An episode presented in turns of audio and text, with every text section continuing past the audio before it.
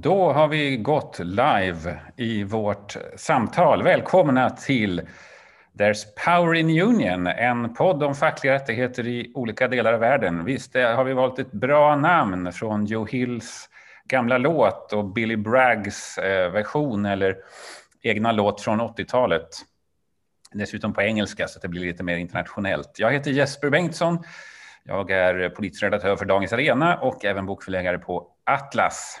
Och i detta första samtal i denna podd, There's Power in Union, ska vi prata om Hongkong. En fråga som har blivit eh, hyperaktuell under det senaste året. Både med de stora demokra demokratidemonstrationerna och med den repression som har mött eh, befolkningen i Hongkong under det senaste året, ungefär. Tanken på ett land, två system som var något av grunden när Hongkong fördes över till Kina eh, verkar nu inte längre vara giltigt och det påverkar i högsta grad de fackliga organisationerna i Hongkong. Där har det nämligen funnits eh, fria och oberoende fackföreningar under lång tid och om detta ska vi prata.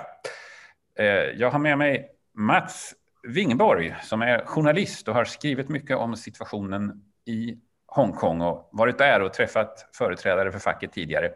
Vi har Åsa Törnlund som jobbar med de här frågorna på LO i Sverige. Och vi har Tao Chan som har en bakgrund i Hongkong och som är aktivist för mänskliga rättigheter där. Och eh, representant för, nu glömde Befria jag det du sa, Hongkong. Befria, Befria Hongkong. Hongkong. Ja. Precis. Sådär. Eh, hörni, vad är det som ha, har hänt egentligen de senaste veckorna? Mats, vad, vad kan du säga om utvecklingen för facket i Hongkong? Ja, eh, 1990 så bildades då den här organisationen som du refererar till, HKCTU. Eh, och eh, den uppstod, det hade egentligen funnits ett antal autonoma eh, fackföreningar lite längre tillbaks. Så att det var en sammanslagning av olika organisationer. Och det var ju ett väldigt genombrott. Det var ju den första, som du nämnde, oberoende fackliga organisationen.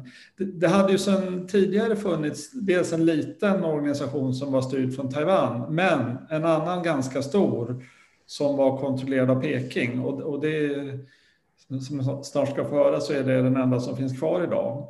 För vad som har hänt är ju helt enkelt att repressionen successivt har ökat och förra sommaren antogs nya säkerhetslagar.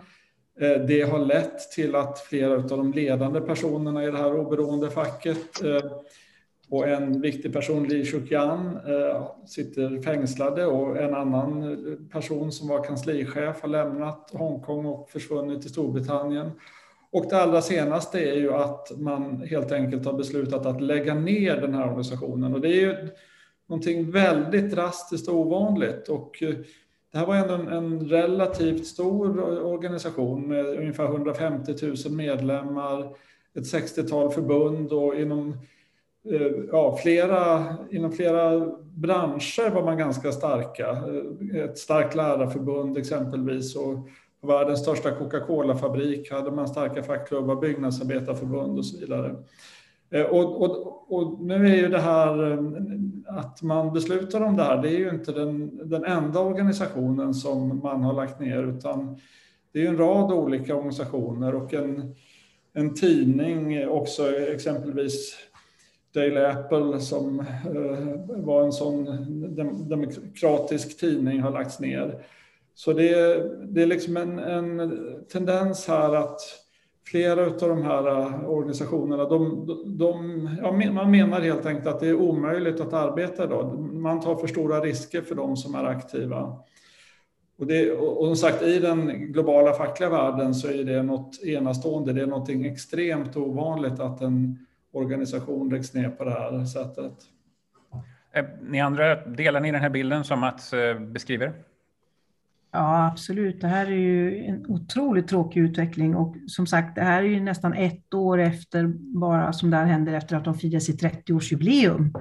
Alltså HKCTUs 30-årsjubileum av att ha varit en, en, en centralorganisation. Så det är ju jättetrist och, och att man behöver gå så här långt, det är ju, hör ju till ovanligheterna. Eh, så det, jag, håller, jag delar helt och hållet Mats bild av utvecklingen som har hänt. Och det beror ju på mångt och mycket på de här säkerhetslagarna. Man kan inte längre bedriva den fackliga verksamheten för det är alltför farligt och man riskerar fängelse. Mm. Så det, är ju, ja, det är en otroligt trist utveckling vi har sett i Hongkong.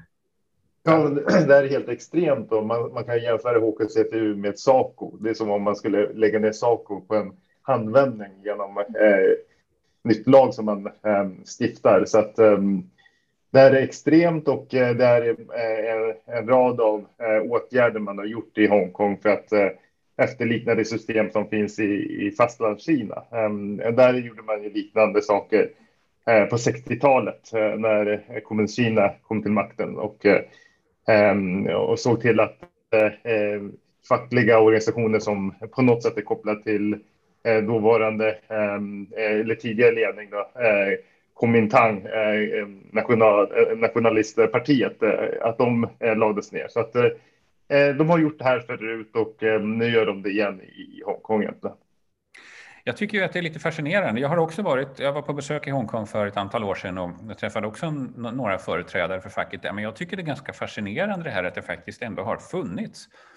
Och eh, har de verkligen kunnat arbeta som en vanlig fackförening då under de här åren, även under tiden som man har återgått till eh, Kina? Jag skulle vilja säga att i mm. Hongkong så har det funnits fyra eh, fackliga paraplyorganisationer, varav två har räknats som fria fackliga demokratiska paraplyorganisationer och två som är eh, statsligt kontrollerade från Kina. Ja. Så att eh, det här, den här utvecklingen som vi ser, det handlar inte bara om HKCTU, utan det berör ju även de andra organisationerna och de fackliga paraplyorganisationerna. Mm. Nu är det ju svårt att få ut information om exakt vad som sker därför att de flesta vill ju inte ens få prata med oss längre. Så mm. att det är lite svårt att spegla eh, hur, hur, vad som händer just mm. precis i dagsläget. Men jag skulle säga att det har varit liksom en successiv utveckling. Eh, den här organisationen bildades då 1990. Jag, jag var där första gången på kontoret 1993. Då var det ändå en ganska liksom frihetlig atmosfär och man vågade göra mycket. Det var var liksom ganska högt i tak. Organisationen gick väldigt mycket framåt. Och den här gamla då, organisationen stödd av Peking framstod ju som en väldigt död organisation. Sen har ju det här liksom successivt skruvats åt och, och, och Hongkong blev en del då av Kina 97 och sen har säkerhetslagarna kommit. Eh, så att det är liksom en, en successiv utveckling. Men jag skulle vilja säga, min bild är ju att det är det är en, en, dramatisk förändring. Det, det, har alltid varit, ända från början så var det känsligt eh, från HKCTU att ta upp och diskutera förhållanden inne i det man sa mainline China. Eh, och, och det, där, där, det finns ju andra grupper i Hongkong som har gjort det, men där har man alltid varit lite försiktig. Men jag tycker mm. att det är en ganska liksom dramatisk förändring som har skett eh, successivt. Och, eh, Eh, och, och, var, och, och, om man går tillbaka där till början av 1990-talet, det var ju som sagt inte bara den här fackliga organisationen, utan väldigt många NGOs som jobbade med mänskliga rättigheter och också då separat från facket och flera grupper som liksom bevakade och analyserade villkoren i mainline China, då i, i stora Kina. Eh, så jag, jag, tycker det är en enorm förändring som har skett i flera etapper här. Mm. Och här ska man inte glömma hur det var innan 97, så var, det var inte helt eh, okontroversiellt vad HKCTU strävade efter då heller. Liksom. De, de ville ha mer demokrati och eh, då var det ju den, eh, den brittiska eh, regeringen som man ibland stred mot och försökte få mer eh, demokratiska rättigheter. Och efter 97 så har man ju eh, blivit lovad att eh, i 50 år så ska Eh, Hongkong har viss eh, självbestämmande och eh, man tog det för givet att man kunde fortsätta sin verksamhet eh, i, i, i 50 år och eh, helst kunna liberalisera ehm, Kina efter det då. Men eh, det, det, vi har sett nu är att eh, man eh, inte ens när hälften av tiden har gått då, eh, så, så har, har, Kina tagit greppet och försöker få Hongkong att bli mer som resten av Kina. Mm. Um, så det, det har skett successivt, men uh, det har, uh, ja, det här säkerhetslagen har varit ett abrupt slut på, på den fackliga organisationen. Mm. Liksom det har varit för ganska många andra organisationer och inte minst NGOs i civilsamhället som har fått mycket svårare att arbeta sedan de här lagarna kom. Det har kommit ganska många rapporter om människorättsorganisationer och alla möjliga typer av eh, ja, men just de som är fokuserade på mänskliga rättigheter. Och, men eh, Åsa var lite inne på det här, eh, Tao, vad, vad som händer nu och att det är lite, blivit svårare att få ut information och så där också. Eh, vad säger du om det? Vad, vad, är din bild av vad som händer nu med eh, det här, den här verksamheten som ändå har funnits? Ja, det, det är mycket själv... Oj, förlåt. Åsa. Nej, men Tao, börjar du. Ja. Ja. Okej, okay, nej, men det, det, är mycket självcensur eh, för att det, det, är många toppar som blir, blir um, eh, fängslade, eh, mm. de blir häktade, de eh, blir åtalade. Eh, det, det, tidigare generalsekreteraren Li Chak-yan blev eh, avtjänade fängelsestraff för, för deltagande i demokratiprotester.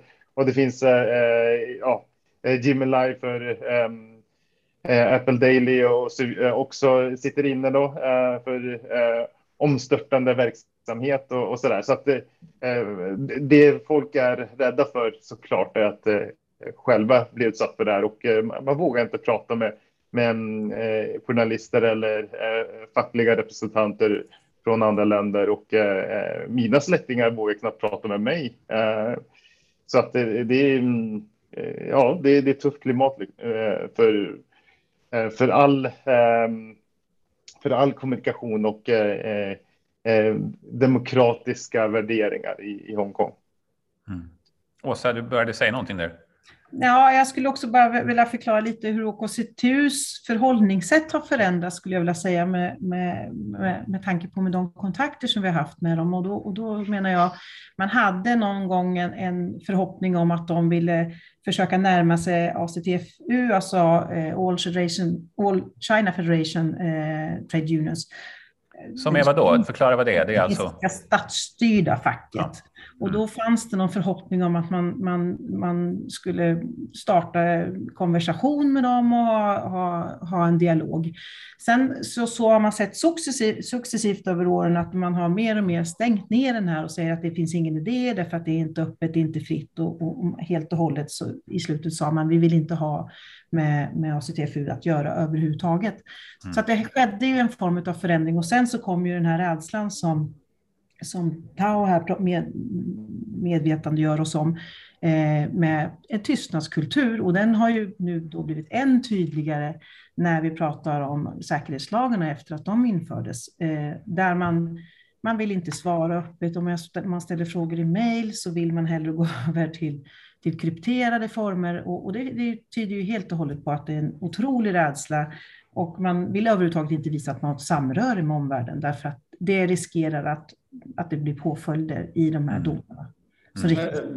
Jag tror, tror Åsa är inne här på, på en viktig sak att eh, om man ser på liksom stora Kina så det var ju en enorm strejkrörelse kring Pärlflodens delta. Det är ju floden som fortsätter där från Hongkong och eh, Hongkong ligger kan man säga liksom som en enklav i Guangdong-provinsen.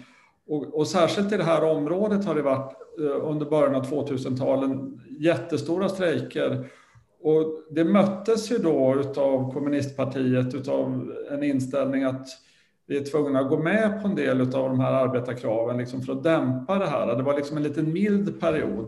Det var faktiskt också oberoende NGOs och oberoende akademiker i det här området. Man ändrade arbetsmarknadslagarna till det bättre. Men sen kom ju då...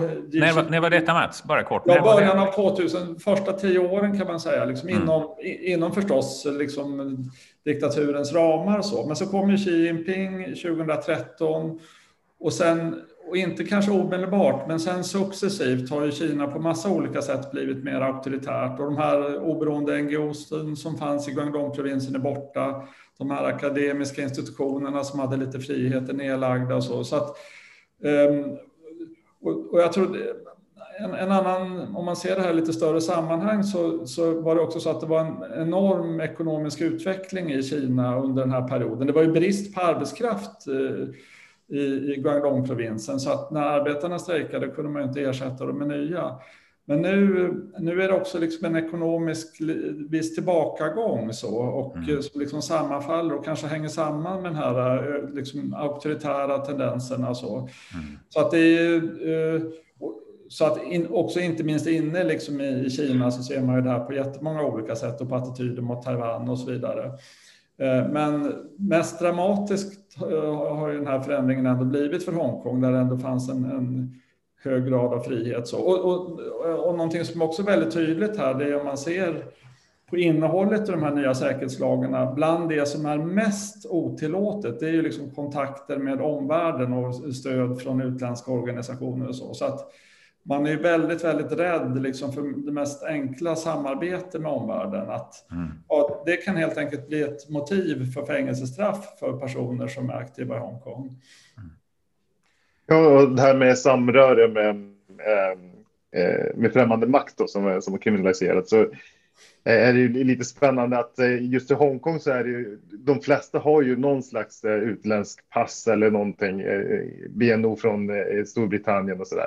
Så att i princip så är det ju varje person som, som är i Hongkong kan liksom kopplas till, till främmande makt på något sätt. Så att det här är ju skriven just för att hindra till exempel sådana som jag som har, som har bakgrund från Hongkong att återvända och verka på något sätt i, i Hongkong. Så att ehm, det här utesluter en stor mängd av människor eh, från, från ditt, sitt eget eh, hemland, liksom, från sin egen hemstad. Mm. Om man ska korrigera lite det Mats, du pratade om att de har fått ekonomisk tillbakagång, men vad det är väl att de har fått en något mindre tillväxt än tidigare kanske? Ja, men det är en ökad arbetslöshet och så. Det är liksom en ganska klar mm. dämpning. Mm. Det är svårt att säga hur. Alltså, det har varit en, en extrem ekonomisk utveckling som är, mm. ja, liksom, om man ser hela världshistorien så det ju, har det varit enorm under, mm. ja, sen ja, 1990, början av 2000-talet. Men jag skulle säga att under senare år så är det ju, nu har vi haft pandemin också så det har varit lite speciellt, men det är liksom mm. en klar dämpning av den här ekonomiska utvecklingen. Mm. Jag var där 2005 tror jag det var och eh, då pratade ju då det fria oberoende facket i Hongkong, just som du säger Mats, om att öka samarbetet med Kina och eh, man hade en viss förhoppning, det, lät lite så då, en viss förhoppning om att eh, Kina var på väg att ändra sig i, mer liberal riktning i någon mening.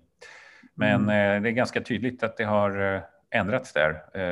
Är det Xi Jinping eller är det någon annan förändring som har skapat den här ökade repressionen tror ni? Vad, vad tror du Tao? Tidigare president då, som heter Hu Jintao, han pratade mycket om reformer som egentligen påbörjades sedan av eh, Deng Xiaoping och sen Jiang Zemin fortsatte. Och eh, Hu Jintao pratade, eller jag hade till, till och med lite hintar om eh, demokratisering. Så att eh, jag tror att eh, det eh, skedde något eh, stort där när Xi Jinping kom. Han tillhör en helt annan fraktion av, um, av kommunistpartiet uh, som är mycket mer, eh, närmare um, ideologiska hjärtat av, av av kommunistpartiet som vill ta tillbaka eh, partiet och Kina tillbaka till sina ideologiska rötter. Um, Hu Jintao Jiang Zemin kallas för Shanghai eh, eh, fraktionen och de är mycket mer eh, eh, marknadsliberala och eh, har en tendens att gå mer mot, åt det liberala hållet. Så att, jag tror att det är skett jättestort, eller, eller jättestor ändring där, precis som Mats sa, att när det, Xi Jinping kom till makten så skedde det någonting. Där, där mm. blev det lite, eh, allt blev lite striktare, striktare och alla liberaliseringar som man gjorde eh, eh har man eh, tagit tillbaka och eh, striktat ner det och mm. återgått till hur, hur det var eh, innan. Så att ja, nej, men det, det, det skedde en stor förändring där. Ja. Samtidigt... Men, ja, men jag tror också den här ekonomiska realiteten, alltså det var ju enorma strejker där kring Skärflodens delta och det, det är ju väldigt stora industrier. Det kunde vara 100 000 arbetare som strejkade och de gick ju inte att ersätta. Eh, man var ju tvungen att, att, gå med på krav från dem. Nu, nu finns det en arbetslöshet, de är inte lika oersättliga. Så att det, där tror jag det liksom ekonomin också har påverkat. Sen det som man liksom alltid, som man var rädd för redan då, det var ju att att det skulle bli liksom ett samarbete mellan strejkande arbetare i olika städer och så där. Det har man ju liksom alltid, att det skulle bli ett nätverk, organisationsuppbyggnad vid sidan av det statskontrollerade facket i Kina. Mm. Det har man alltid varit liksom försökt förhindra. Men nu är det betydligt hårdare tag och liksom fängelsestraff direkt för arbetare som strejkar. Mm. Ändå, jag tänker, då finns ju ändå det här kinesiska facket kvar och det är också de som finns i Kina och som av Kina själva då betraktas som det största facket i världen. Och vad, hur funkar det? Vad, hur kommer det se ut med, de fackliga, med det fackliga arbetet i Hongkong nu när det mer kommer att likna det som är i Kina? Ja, alltså det, det helt dominerande facket i Hongkong det är ju den här federationen som är styrd av Peking och som ändå är ett annat facklig organisation än den stora fackliga rörelsen mm. i Kina. Då. Eh, och, de, och den har ju karaktäriserats av att ha, varit väldigt avpolitiserad i Hongkong. Och, ja, det, det, är lite märkligt så, det här kommunistiska facket och väldigt nära de stora företagen och så. Men det stora facket i Kina, det är ju, ledningen tillsätts ju direkt av kommunistpartiet. Det är ju liksom mer en gren av eh, kommunistpartiet.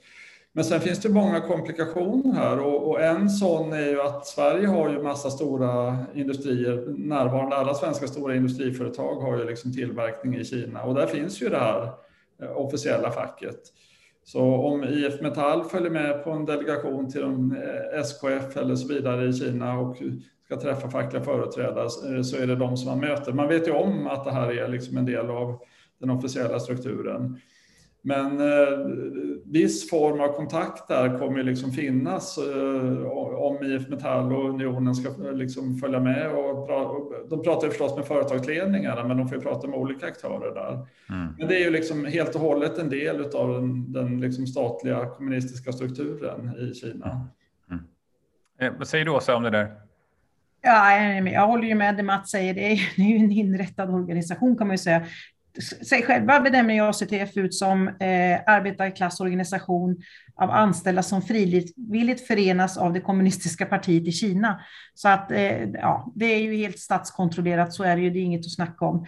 Och, och det tråkiga är ju att eh, eh de uppfyller ju inte de internationella standarderna som finns vad det gäller varken fackliga rättigheter eller andra ILO-konventioner.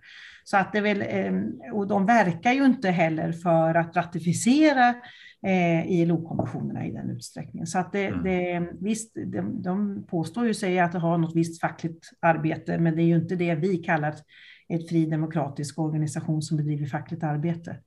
Mm. De är ju statens förlängda arm, så är det ju. Mm. Det annat kan vi inte säga i det sammanhanget. Och ändå är det de som då fackförbund och federationer från eh, vår del av världen har kontakt med och måste ha kontakt med. Ja, jo, vi har ju inga andra alternativ därför att det är så det verkar i Kina. Och ska vi komma åt det dilemmat så måste vi ju ställa hårdare krav gentemot Kina, till exempel genom handelsavtalen eller det här nya investeringsavtalet som EU håller på att skriva, eh, KAI-avtalet kallat, eh, mm. investeringsavtalet med Kina. Och då kan man ju lägga in eh, klausuler där att de ska både erkänna ILOs konventioner men också att ratificera dem, alltså anta konventionerna, inte bara säga att de, de är tillämpliga, utan, mm. eller man ska också tillämpa dem.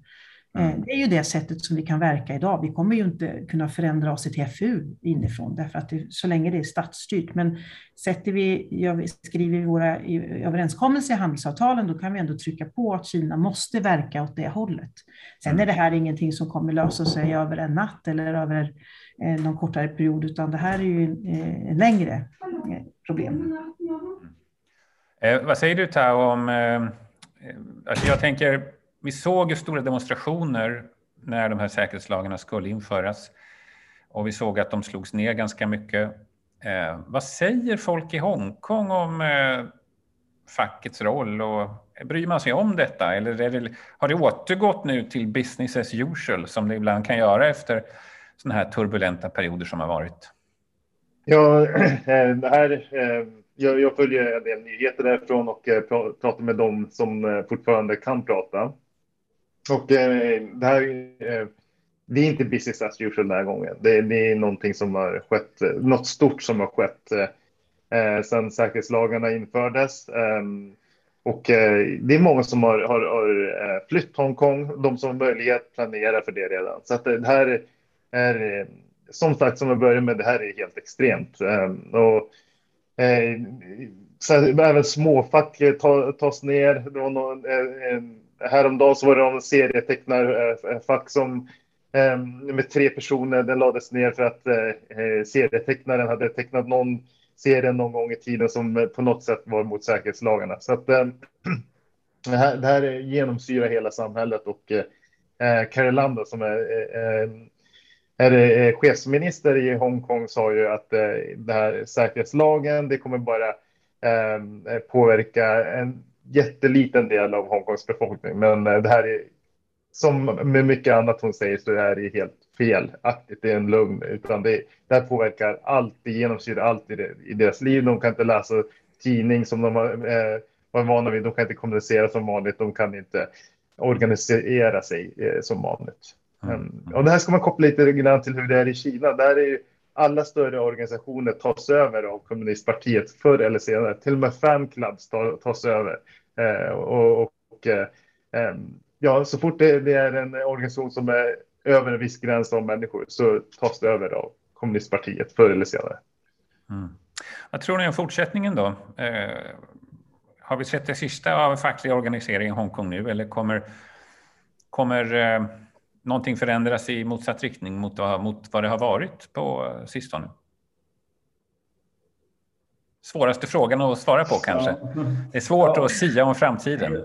Men, men om man går tillbaks till 1990 eh, när det här, den här oberoende organisationen bildades, så redan perioden innan så fanns det på arbetsplatser olika liksom, lokala fack. Det var, det här var en sammanslutning av olika rörelser som fanns och eh, sådana kommer finnas kvar. Men frågan är liksom vad man vågar. Alltså det, det är uppenbart att det finns ett enormt liksom, eh, folkligt motstånd och vi, och vi hade ju, det är, det är, en rad protester. Det var ju 2014 här paraplyprotesterna mot eh, som handlar om, om, att helt enkelt att Peking fick större inflytande och sen har vi haft demokratirörelsen 2019 och 2020 och sen mot protester mot säkerhetslagarna och vi såg ju på de folkliga mobiliseringarna då att det är liksom ett väldigt, väldigt stort, starkt folkligt motstånd mot de här förändringarna i Hongkong.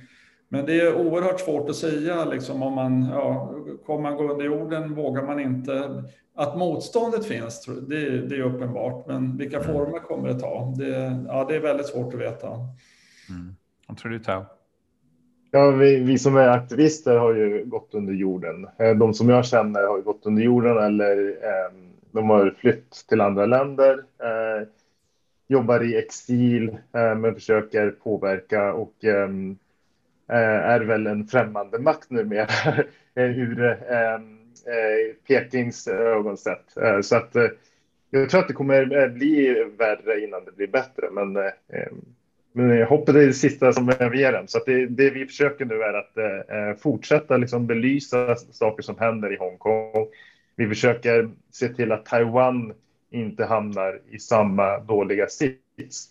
Så att eh, det är väl det där vi försöker um, utkämpa nästa fas, att inte uh, låta Taiwan tas över på något sätt. Uh, för mm. att Hongkong, tyvärr så tror jag inte att uh, vi kan göra så mycket på kort sikt. Um, vi försöker som sagt upplysa, försöker få folk att fortsätta sin kamp, men um, det krävs att det finns en, en stat som faktiskt lyssnar, en regering som lyssnar, men det gör de inte. Fackliga rörelser i exil, är det något vi har sett tidigare, Åsa? Att... Ja, jag vet inte vad jag ska svara på det faktiskt. Eh, kanske... Det, är ju svårt, för alltså själva tanken med facket är ju att man ska gå samman på arbetsplatser och ytterst mm. upprätta kollektivavtal och så. Eh, sen har vi ju länder där fackliga rörelser liksom har kommit egentligen och spelat med en annan roll, att vara en del av demokratirörelsen. Så facket i Belarus och Zimbabwe är ett andra exempel på det. Så. Mm, mm. Eh, men CTU var, eh, Hongkong här var ju väldigt mycket, de hade ju väldigt lokal förankring och Eh, deras namn i de här stora demokratiprotesterna, många ledande personer från det oberoende facket var ju med i de här protesterna och Li Chukan var ju talare och så, men man var ju inte en, en, organisation som officiellt stod som arrangör av de här eh, protesterna, utan man försökte ju hålla ganska mycket sin fackliga roll ändå. Eh, och, och medveten om vad som skulle kunna hända och som nu hände ändå här, helt enkelt. Mm, just det. Ja, jag får väl rätta till mig när jag menar liksom den, demokratiska kampen fortsätter exil. Mm. Det fackliga, eh, det är svårt att göra om man inte är på plats. Nej, och det är ju som ni, jag håller med både, både Mats och, och Tao här i de här frågorna eh, såklart med utvecklingen. Det, kom, det upproret det kommer ju finnas kvar och är ju kvar. Sen hur det ter sig för former, de, det är som du säger, det kom, vi kommer att, de kommer att behöva gå under jorden. Och jag vidmakthåller att jag tror att just nu måste omvärlden sluta upp både gentemot Kina i handelsavtal men också en annat sätt är ju att i ILO eh, går lite hårdare ut och är lite mer restriktiva i, inom den organisationen. Och framför allt då gentemot det kinesiska facket som faktiskt har en plats där, som är då CTFU, eh, där man då måste kräva dem på att stå upp för de riktiga fackliga rättigheterna. Just det. Tack. Alltså det här blev en jättebra diskussion tycker jag. Det första avsnittet av den nya podden om fackliga rättigheter i världen, There's Power in a Union. Jag tackar Mats Wingborg, Tao Chan och Åsa Törnlund för samtalet och jag tackar också er som har tittat på detta på eh, Facebook eh, i Arena Idés eh, stream. Vi kommer också att lägga ut detta då som en podd inom någon dag eller två. Tack så mycket. Tack så mycket. Tack så mycket. Hej.